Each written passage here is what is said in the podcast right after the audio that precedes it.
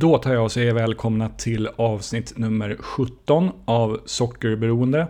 Sveriges kanske enda podcast om nordamerikansk fotboll.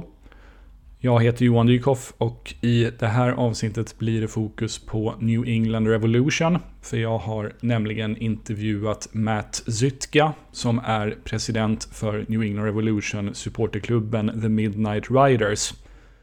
Matt är inne på sin fjärde säsong som president för Midnight Riders och i den här intervjun berättar han en hel del om sitt arbete där, men även om New England Revolutions historia och vilka förväntningar han har på laget den här säsongen. Dessutom berättar Matt en rolig och osannolik historia om hur han kom att bli supporter till Halmstadsklubben IS Halmia, idag hemmahörande i division 3 sydvästra Götaland. Hoppas att ni ska tycka att den här intervjun är bra och kul. Jag har ju haft med representanter från olika supporterklubbar i den här podden tidigare och de avsnitten tenderar att bli väldigt bra. Så även detta. Eh, det lär med all säkerhet komma fler avsnitt där jag pratar med folk i ledande positioner i olika supporterklubbar från olika ställen i Nordamerika. Nu går vi över till intervjun med Matt Zytka president för Midnight Riders.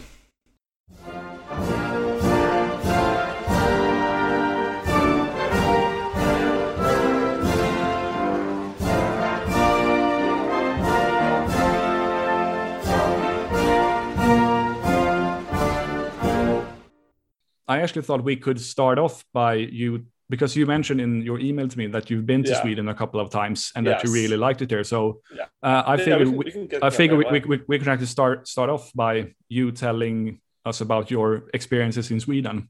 Great, yeah. So the first time um, I visited Sweden was November of 2014. Um, it, I realized towards the end of the work year that I had some vacation days that I had to use by the end of December. So like very last minute, I just opened up like a travel website and it was like, I, I feel like I want to go to Europe. Like what city has like a, just a good deal to just get across the ocean next week? Like no planning, just go. And yeah, there was a good Swiss Air flight to Stockholm. Like perfect, never been. Um, and then I found a return flight out of Copenhagen. So it's like, this is easy to figure out. Like take the train across. Like yeah, all places that were new to me. So sounds great. Um, the problem with my last minute planning was that um, I'd be there during a FIFA like international break. So there was like there was pretty much no club soccer happening anywhere on the continent for the most part.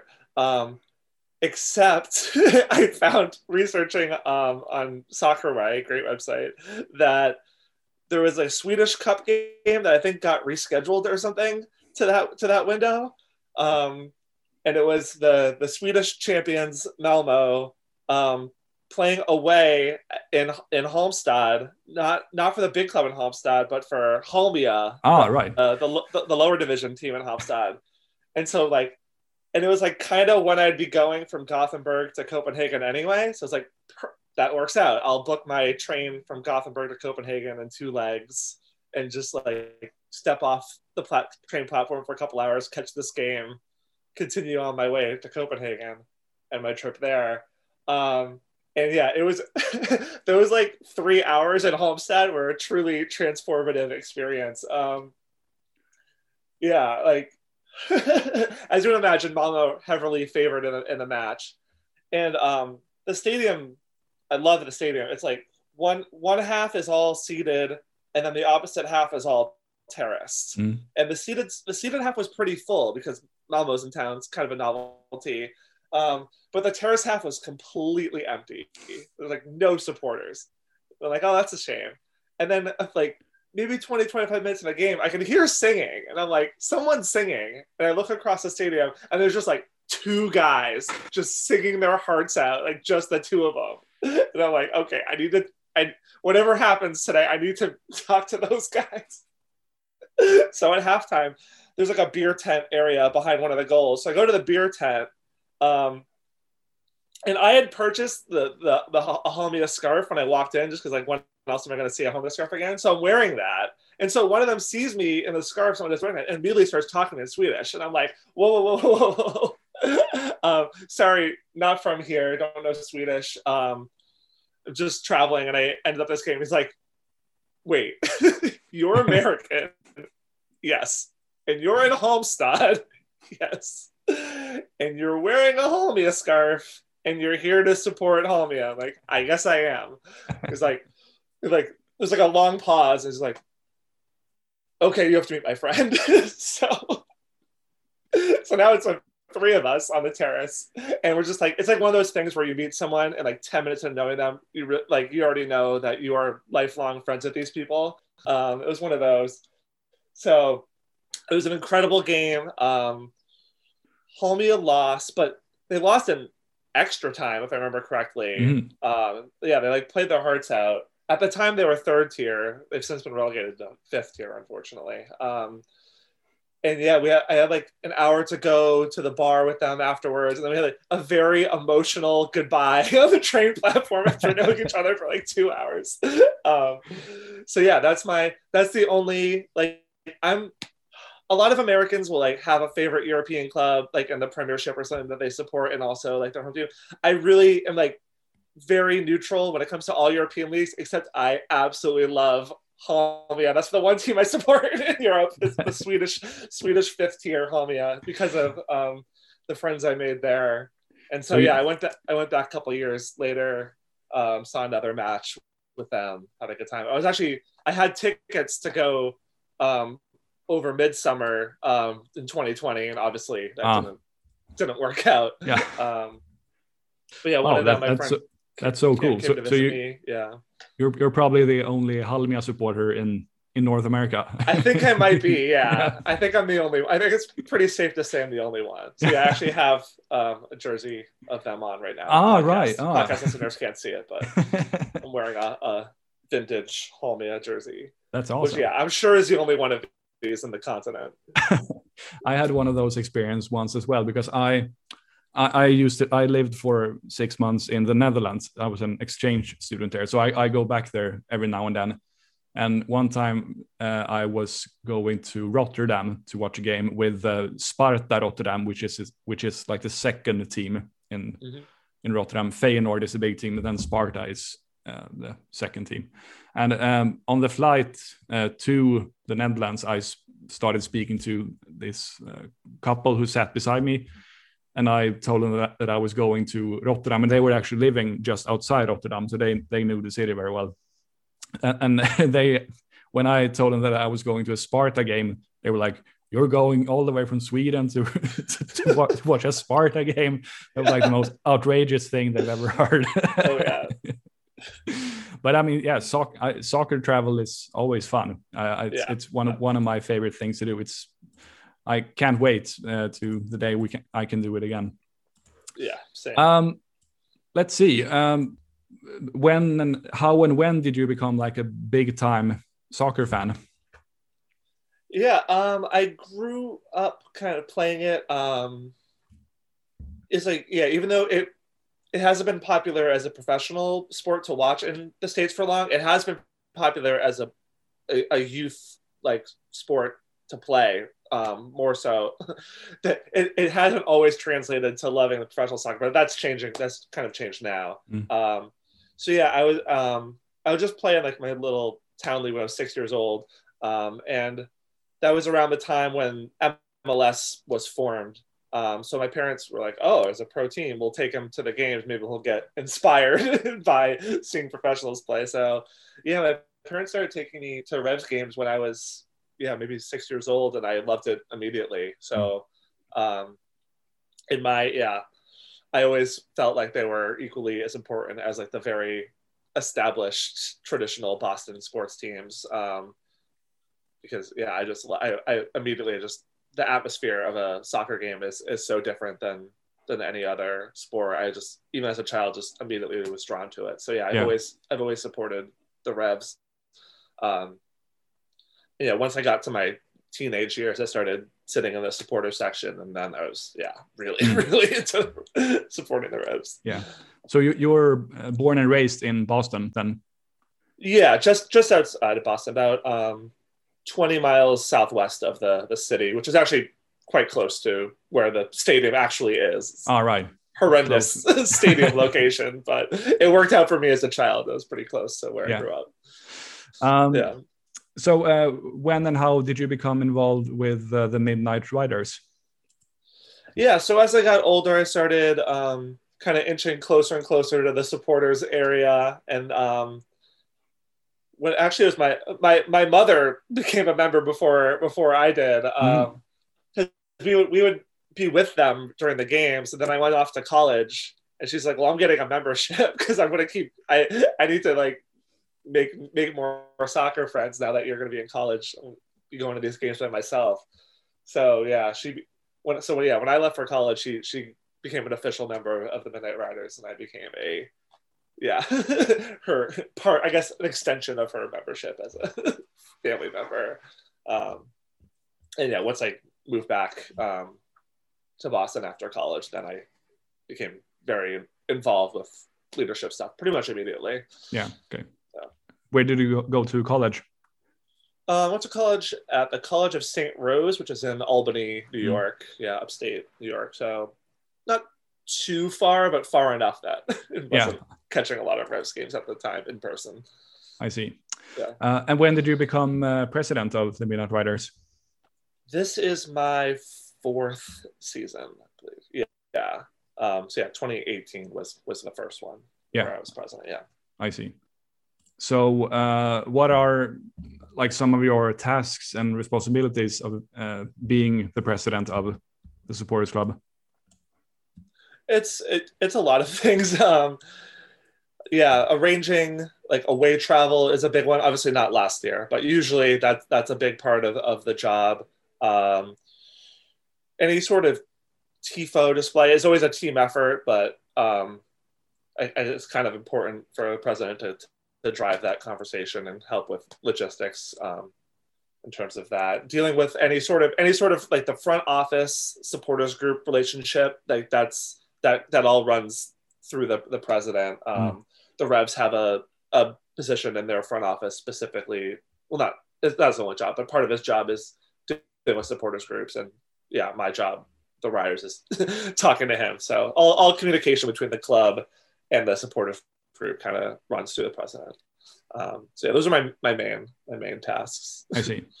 Uh, Yeah. You mentioned uh, away trips because that that's something that's uh, a bit in, that I find interesting because it doesn't seem it doesn't seem to be very common for uh, fans of MLS teams to, to travel to away games. But can you talk a bit about how like how how often you go to away games and how many fans you are going and stuff like that?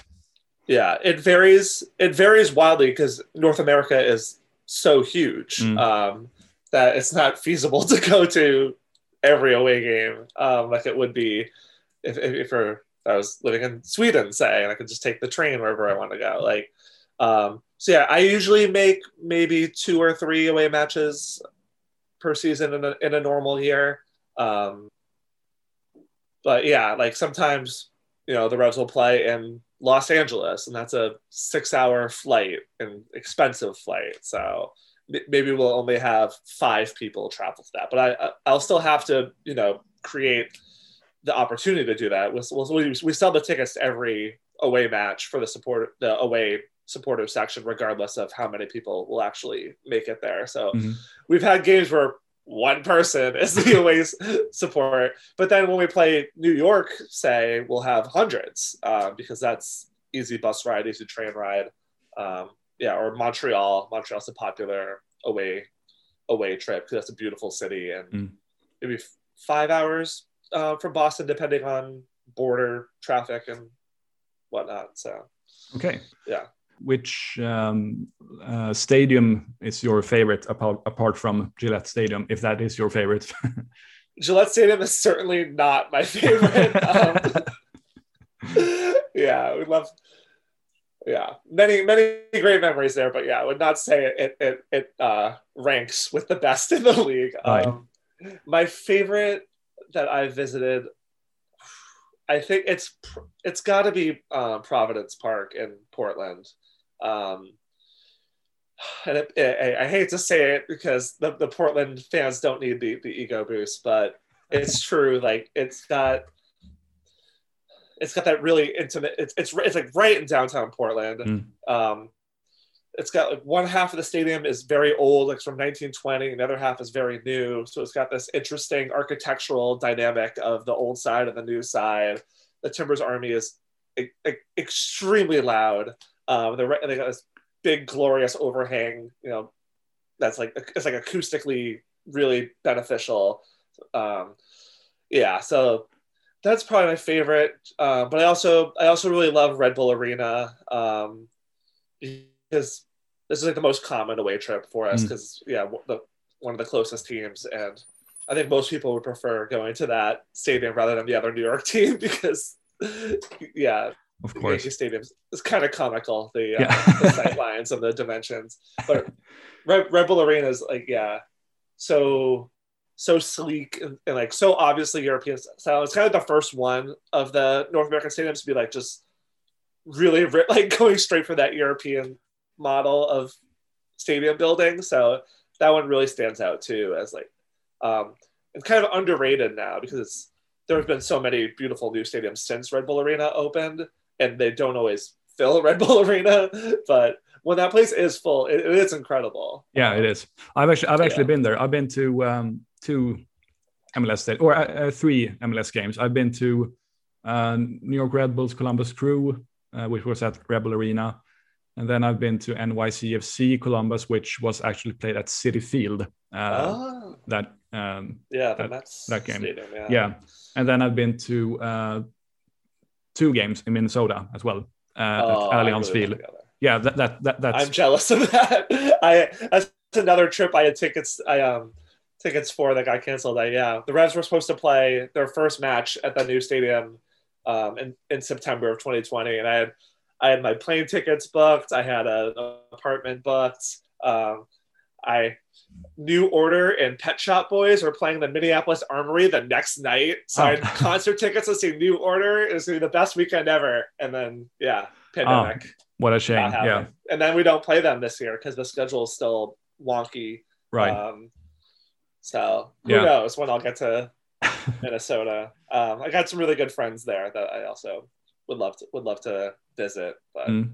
yeah, it, it's a gorgeous stadium, and what I like what I like about that one compared to Red Bull Arena is that it's it's actually it, I mean it, obviously it's it's not in like like downtown right. Minneapolis or St. Paul, but it's still in some sort of uh, like populated part of, of the city. Red Bull Arena right. feels so it's it's so just thrown out somewhere like oh there's a plot of land let's build it there yeah, they're started. They're they've they've they've started to build up around it within the past couple years. Uh-huh. Uh, but yeah, when they first built it, it was just in like, the middle of nowhere, a toxic waste dump. like, yeah, there was nothing. it, there not only were there there are no places to hang out around the stadium. Um, it there was an odor. Um, although there is a great bar in downtown Harrison that we would go to pregame. Um, mm O'Donnell's pub. It's, oh, it's, owned by a guy from New Hampshire, so he loved all the New England fans. So he'd always oh, go right, of course. Game, but it, it, was like a mile away from the stadium, though, so it wasn't that close. um, let's see. Uh, what are, in your opinion, some of the best things be- with being involved in a supporters group?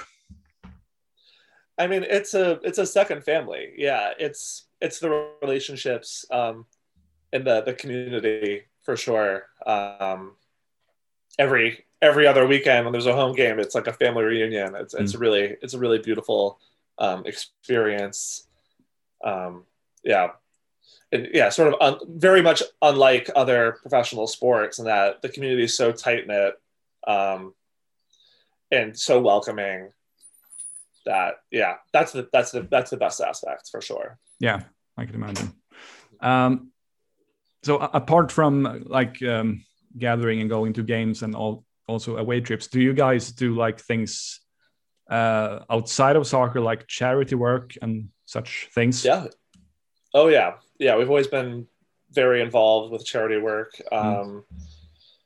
Yeah, it, and we'll some sometimes those will be wrapped into game days. Sometimes they'll be their own their own things. Um, during a normal season, we'll we'll bookend the season with these really fun like charity cooking events because Mhm.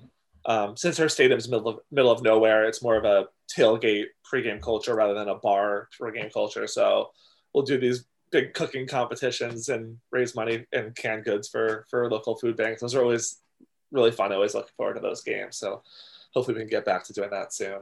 Um, but then yeah, we'll we'll have a various standalone events like a charity golf tournament, a charity FIFA tournament.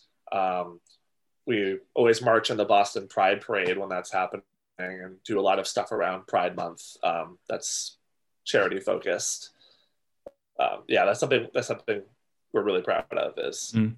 um, our I feel like for for the size of our group, we we have a an outsized um, charitable influence in, in the community. Yeah. How many members are you, by the way? Um, we're around 600, 500, 600. I, yeah, it's the, the pandemic kind of shook things up a little. So uh, we'll, we'll actually see what the final number is this year, but I'm guessing it'll end up around 600. That's, that's the usual amount of, of Yeah, members that- in a given year. Yeah. That's pretty good. Yeah. Um, uh, to what extent do you like um, network with people from other supporters groups, either in North America or overseas, to like share experiences and learn from each other? Yeah. Um, a lot. yeah. There's, um, I don't know if you're familiar with the, uh, the Independent Supporters Council. Um, Yeah. That's, yeah. So we're, we're, the Midnight Riders are actually original members of that. And that's been um, fantastic um, in terms of getting people in leadership of different supporters groups around the region and communication with each other to, to share things like best practices or if there's something we need to present a unified front to the league on or yeah we can do that. Um, and i feel that organization has really kind of come into its own in the last two or three years especially. Um, it's been around for about 10 but recently it's re- like the organization like organizationally it's gotten a lot more organized mature. Um, and so that's great the, there's always an annual conference and that's one of my favorite weekends of the year because you Mm. see all these people who are you know just just as insane as you about supporters culture to act to spend all their time with this unpaid leader second job essentially Yeah. um, being a soccer fan and so you see all these other people who are, who are also doing that for around north america it's always it's always really really exciting um, so yeah that Yeah. um we've a lot of made a, uh, quite a few uh, good friends now from around the league and other and other groups so makes away days more fun too because then you, you know someone there that you can you can see and get a good restaurant recommendation hang out with a little bit pre-game post-game so it's yeah Yeah. Do you know uh, either uh, Sam Solberg or Steven Robinson? Oh yes, yeah, They- they're both both involved with IC. Yeah, Sam Sam Solberg is is a good- is a good friend, especially. Um, yeah, I was supposed to see her in September. Um, didn't happen, but yes, I do. Um, Love they bo- they both uh, been on this podcast, so oh, great. yeah, Check in uh, like episode four and five, I think they were on. Uh, I'll I, I go met back and listen to those. Yeah. yeah I, I met both of them so i, I was in uh, minneapolis in april of 2019 and i met sam a couple of times and i also met St- steven was on uh, vacation in minneapolis and we just so i met i met him there and then it's actually a funny story then like ha- six months later i sent an email to the roadies where he's now the president and i asked if some someone from their leadership would like to uh, would like to um, be interviewed for this website that I'm covering North American soccer for. Um, and he replied and answered my questions. And then, but at, the time, I didn't know that he was actually the guy who I had met in in, Oh. in Minnesota. That's so that- funny. Yeah. So then I, I, for some reason, I just checked something on their website, and I saw the name Stephen Robinson and then a photo of him. And then I realized, oh, he's the guy I met six guy. months. Yeah. And I told him, and he was like, he was like, uh, oh man, this is this is insane. what a small world. that is insane. yeah. So uh, I promise that someday I I will go to Nashville and we'll hang out again because it's such a such a funny story. Yeah. Let's Wow. see. Um, moving on and talking a bit talking a bit about uh, the New England Revolution. Who is your all-time favorite Revs player, if you can only pick one? Oh, that's difficult. um, but the answer is probably Michael Parkhurst, um, who I think newer MLS fans won't even think of as a Revolution player because he won MLS Cup with with uh, Atlanta, and nearly did it with the crew too. But mm.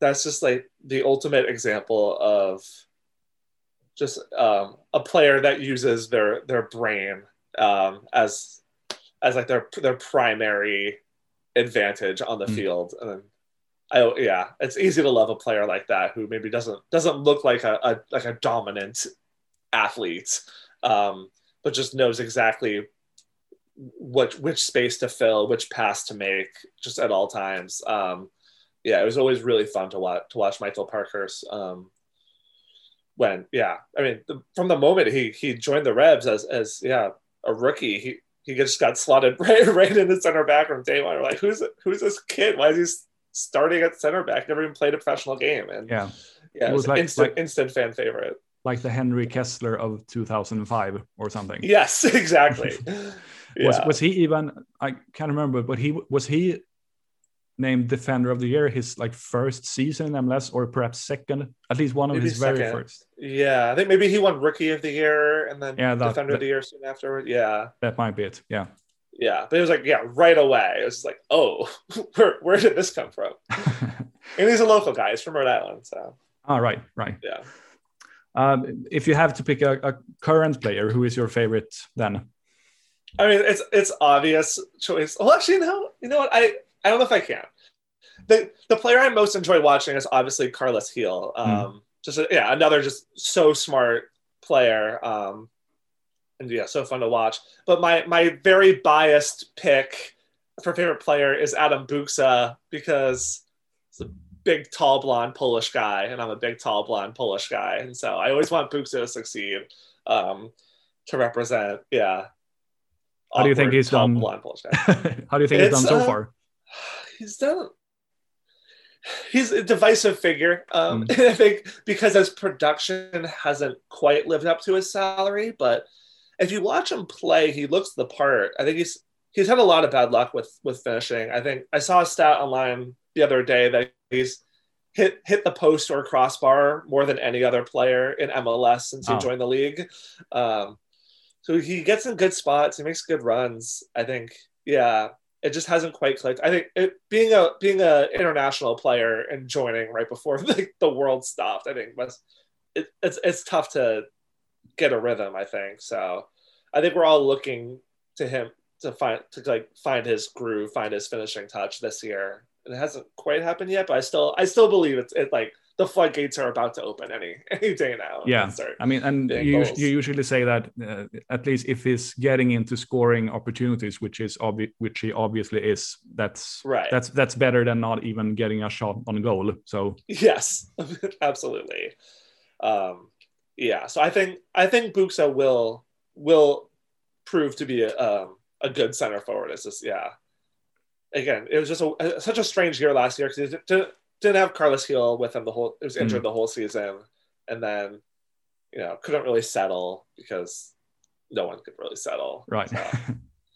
uh, speaking of uh, Carles Gil, how how highly do you rate him among like uh, other players in his position who you have seen play for the Revs? Um, in terms of talent, he's number one. I mean, mm. some of the some some of the touches he makes just like defy physics. Um, there was one, was it the Atlanta game? Yeah, it was the Atlanta game recently where there was just like a like a, like a, a clearance like in stoppage time to try, try to like end the game, and he took it like first touch over over the shoulder. Like this is an old baseball reference, but like Willie Mays like take like and just like perfectly trapped it on his feet, and then put Santiago Sosa, which is a great player for Atlanta, just put him on his ass with the second touch. It was like whoa like yeah it's just unreal skill um so yeah i think in terms of in terms of just pure talent i think he's the most talented player the Revs have ever had um so hopefully hopefully they can have him stick around long term, and he could really cement himself as as one of one of the all time great Revs players up there with Shalrie Joseph and Taylor Twellman. Because I think as long as he stays, he'll he'll end up in that that kind of level of revelry. Yeah, and he also seems to be um, he's not one of those designated players who has come to MLS just to collect a pay paycheck. He actually seems to right. care, genuinely care yeah. about. Uh, yeah, he seems like he seems like he seems like a, he's a real leader in the in the locker room. Um, and yeah, every, the teammates clearly all love him. So yeah, it's, it's couldn't couldn't say can't say enough good things about no. Carlos Gil. We, we we love Carlos Gil here here. Yeah. Um, let's see. Uh, about a month ago, I interviewed uh, a board member of the Pride, which is a FC Cincinnati supporters group, and we talked a lot about like the buzz around the club and the attendance numbers uh, for Cincinnati. But uh, for at least as long as I've been following MLS, the Revs the Revs have, with like few exceptions, not had uh, had great attendance figures. Uh, do you think it's realistic to believe that that will change anytime soon? It will. It, it's hard to say because so much of it is dependent on the stadium situation. Mm. Like the stadium situation just hangs over everything that happens that's Revs Revs related. Mm. Um, because like it's just it's a bad lo- it's a, it's a it's a bad location and it's a way too big stadium and everyone knows it like we know it they know it everyone in the region knows it so that just kind of looms over everything um, so if they if they were able to build an urban stadium, I think it would change overnight. Mm. Like even with even with no extra effort on their part, I think it would like that's how transformative it will be. Um, but without that, it's like it's hard to say what the ceiling is in terms of regular attendance, just because it's not it's not accessible from the mm. region's major population center, which is a problem. it's where most people live, and they can't get to the game if they don't have a car. Um, and yeah, Boston's one of the few American cities where many people live happily without cars because mm. um, there's we have outdated public transit. We do have real public transit, so not being on that public transit really, yeah, really limits the potential of how how full a Rev Stadium could be. Right. And they know they did change that. It's just Boston's um, absolutely brutal place for major real estate projects like that. There's, yeah. You know, it's a, it's more dense and more old than most American cities. So just not a lot of obvious places to put something like that. No. So I don't know what the timeline is. Um, I know I know they're working on it. But so yeah. so but is there anything close to a concrete plan for a soccer specific stadium? Not that I know of at the moment. They were they were very close a few years ago um, with a site near UMass Boston, but then it fell through. Um, there, there's been rumors on the internet um, of where they're looking recently, but nothing nothing concrete, nothing mm. nothing on their end in terms of of how far along something is. Um, which I think I think you know they want to intentionally be a little close to the vest on that just because the real estate market is so so wild in Boston and there's also like a housing crisis. So mm. the optics of taking land to build a sports stadium rather than affordable housing probably wouldn't be great. so I think they I think they're kind of intentionally trying to stay under the radar. Um, because it's like yeah, because I think I I truly believe that the soccer team needs to happen as a community asset. I think it would be good, mm. um, but obviously, like we also need way more affordable housing. so it's it's a complicated situation. Yeah, of course. What what if um, a new stadium comes with a rebranding to like Boston SC? How would you feel about that? I would not love that. Um, honestly, obviously like people make fun of our uh, the logo, which I think is warranted. It's pretty corny, um, and we we like lean into it. It's reached it's reached kind of like full circle, like so bad it's good status at this point. Um, but like that, I think when they do move into the city will certainly change. I can't imagine them sticking with that, but I would I I would really hope that they would keep the name. The name it's I think New England Revolution is a great name for a soccer team. And again, there's so there's so little like consistent historic through lines in American soccer that just seems like an easy one to preserve and like actually have like real real history being built up in a, in a way that we just keep going away from here. Mm. I see. So I yeah, see. I hope the name stays and the the the cheesy badge I guess can can probably go. I will I won't miss it. Even though I do I do enjoy the the banter around around our our stupid logo. Yeah.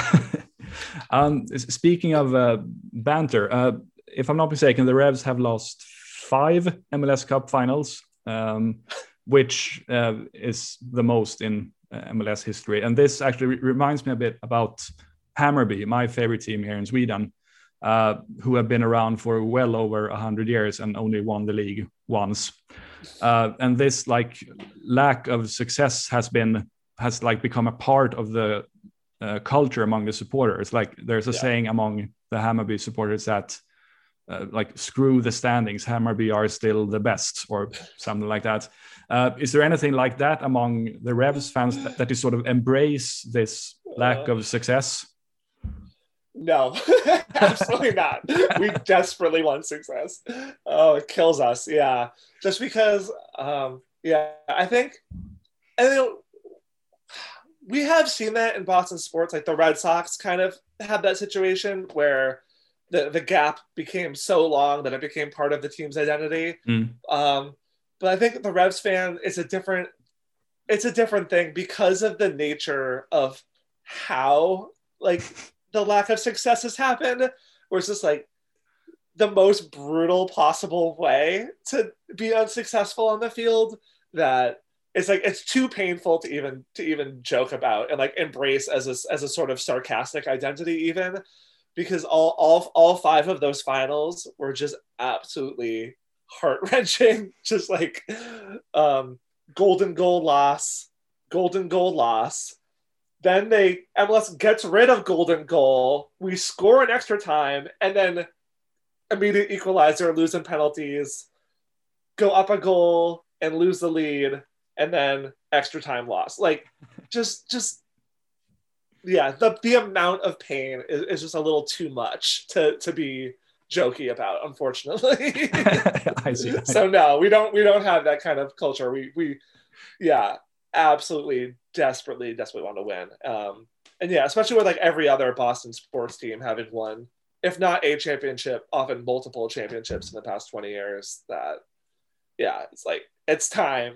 like we need we need we need one. Yeah. So what what are your expectations for this season? Uh, the Revs have started out started off pretty good, I would say. yeah, fine. Yeah. Um, expectations are very high this year. Um, yeah, because of how last season ended, where once once Carlos Gil got healthy and came back on the team, the, the team immediately looked like a different team and, and made a exciting playoff run.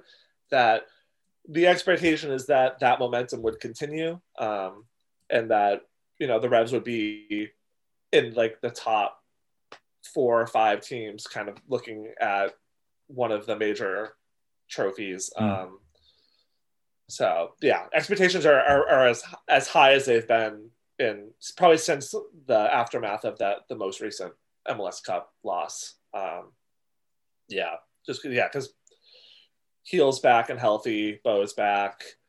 Um, you know, Kessler has another year of experience. Mm. Um, made a couple of interesting international signings. Um, so Is there Yeah. any like obvious weakness in the team at the moment that you think needs strengthening?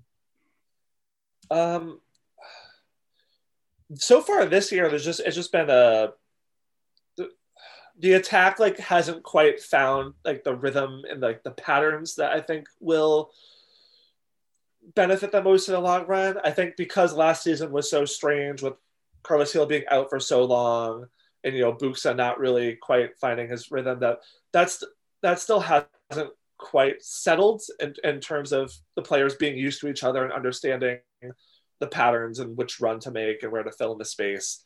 Um, so they haven't scored as many goals so far this season as you would think with the amount of talent on the field. Mm. Um, they also have a new a new winger, um, Arnor Traustason from the Iceland national team, who just got here. Like didn't even didn't even play, didn't even have a preseason. Just showed up and was immediately on the field. So yeah, I think there's some awkwardness in the final third um, in terms of getting these like very all extremely talented players to, to figure out how they best work with each other. So that's the, the main glaring, but that that seems like a very temporary weakness. I would hope because it's not a talent problem. It's just a yeah, like a rhythm problem. Um, the, the the thing that concerned me going into the season was just the amount of sort of bite um, in the midfield because we have a, lot of sort of skilled midfield players, but not like that, like Diego Chara, Mm. like uh, Ozzie Alonso type that's just gonna kick you in the kneecaps if you get anywhere near him. Like just like a true ball winner. We don't really have that like true ball winner. So that's something I, I, I worry about in terms of how how difficult the Revs are to play against. Uh, but that really hasn't been too much of a problem so far. I mean, the season just started, but Mm. um, Polster's looked good. Um, young Brazilian player Maciel's looked good. So we'll see. Yeah. Um, speaking of uh, Traustason, uh, he, obviously came from the Swedish league. There are a couple of former uh, Revs players with connections to Sweden that I have to ask you about. Um, Mhm. one of them is uh, Gershon Koffie, who Oh, yes. had a who had a very very strange and forgettable spell at Hammarby. Uh, one of the most yeah, it's it's so so pu- puzzling his spell at Hammarby because he he came on a free transfer, and then after like two months, the coach at the time said, "This is not the player I I wanted," and then he was loaned back to the Revs. Yeah, yes. um, I, yeah. and then and then he came back and had two pretty horrible games, and then he was released. Uh, but how how do you recall him uh, playing for the Revs? Yeah, um, I think remember it being so, like solid but unspectacular. Mm. Um, but he was a good player for us. Um, but yeah, it was also a strange situation on our end because that was Koffie was kind of a like a last minute adjustment to the roster because we, um, the Revs had just signed this player Xavier Kouassi, Mm. who um, was captaining FC Sion in Switzerland in the Europa League. And while playing out his contract before joining the Revs, he tore his ACL. Right. Um, and it was one of the most expensive signings in Revs history at the time. And so it was like, oh crap, we need a central midfielder. So they got they got Koffie in there, who I think yeah was was, was pretty good, but what, obviously not not someone that yeah, you it, it, like would expect to win a championship with. Maybe just like a like, like solid MLS kind of baseline midfielder. I see. I see. What about uh, Charlie Davies then? Because he um, he had at least at least one good season with Revs, I think, and he he was Oh yeah, he was on a, on the other hand really really good at Hammarby. Right. Yeah, we love Charlie here. Mm. Um, obviously, another New England guy is from Manchester, New Hampshire.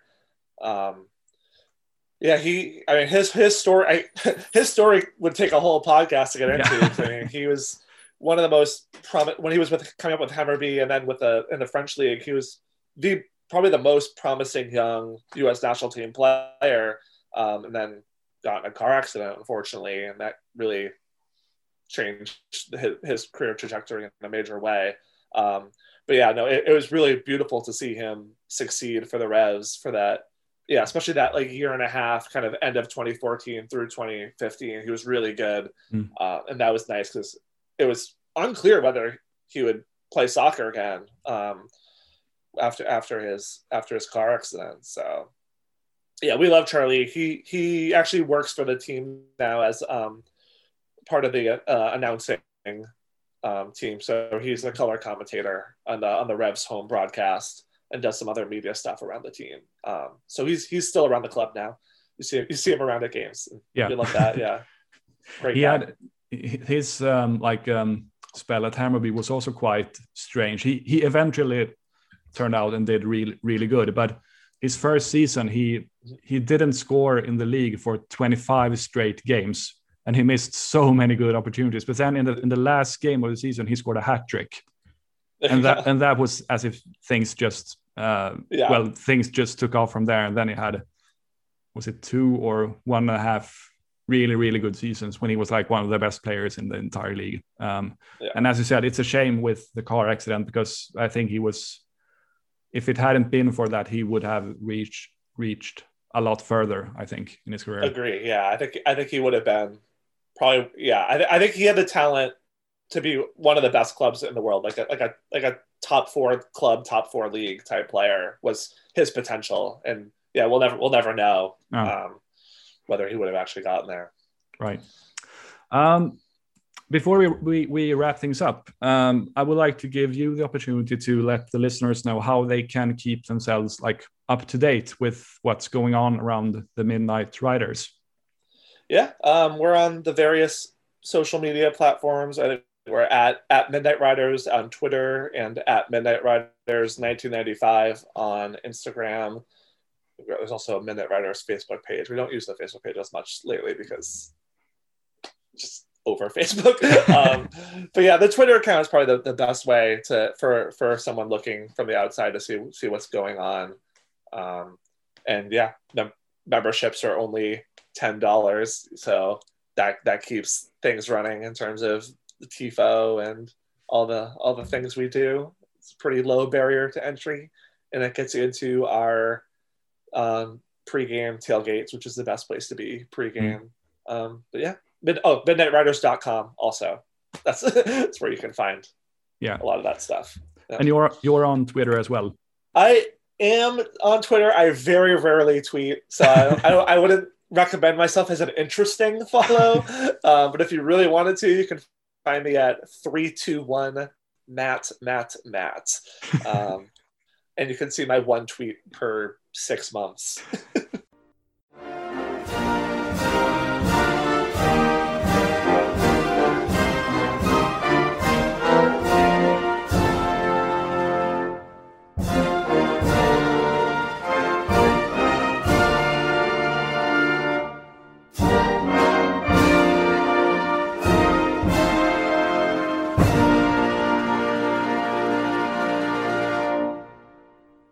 Sådär ja, då tar vi och tackar Matt Zytka för att han tog sig tid att ställa upp på den här intervjun.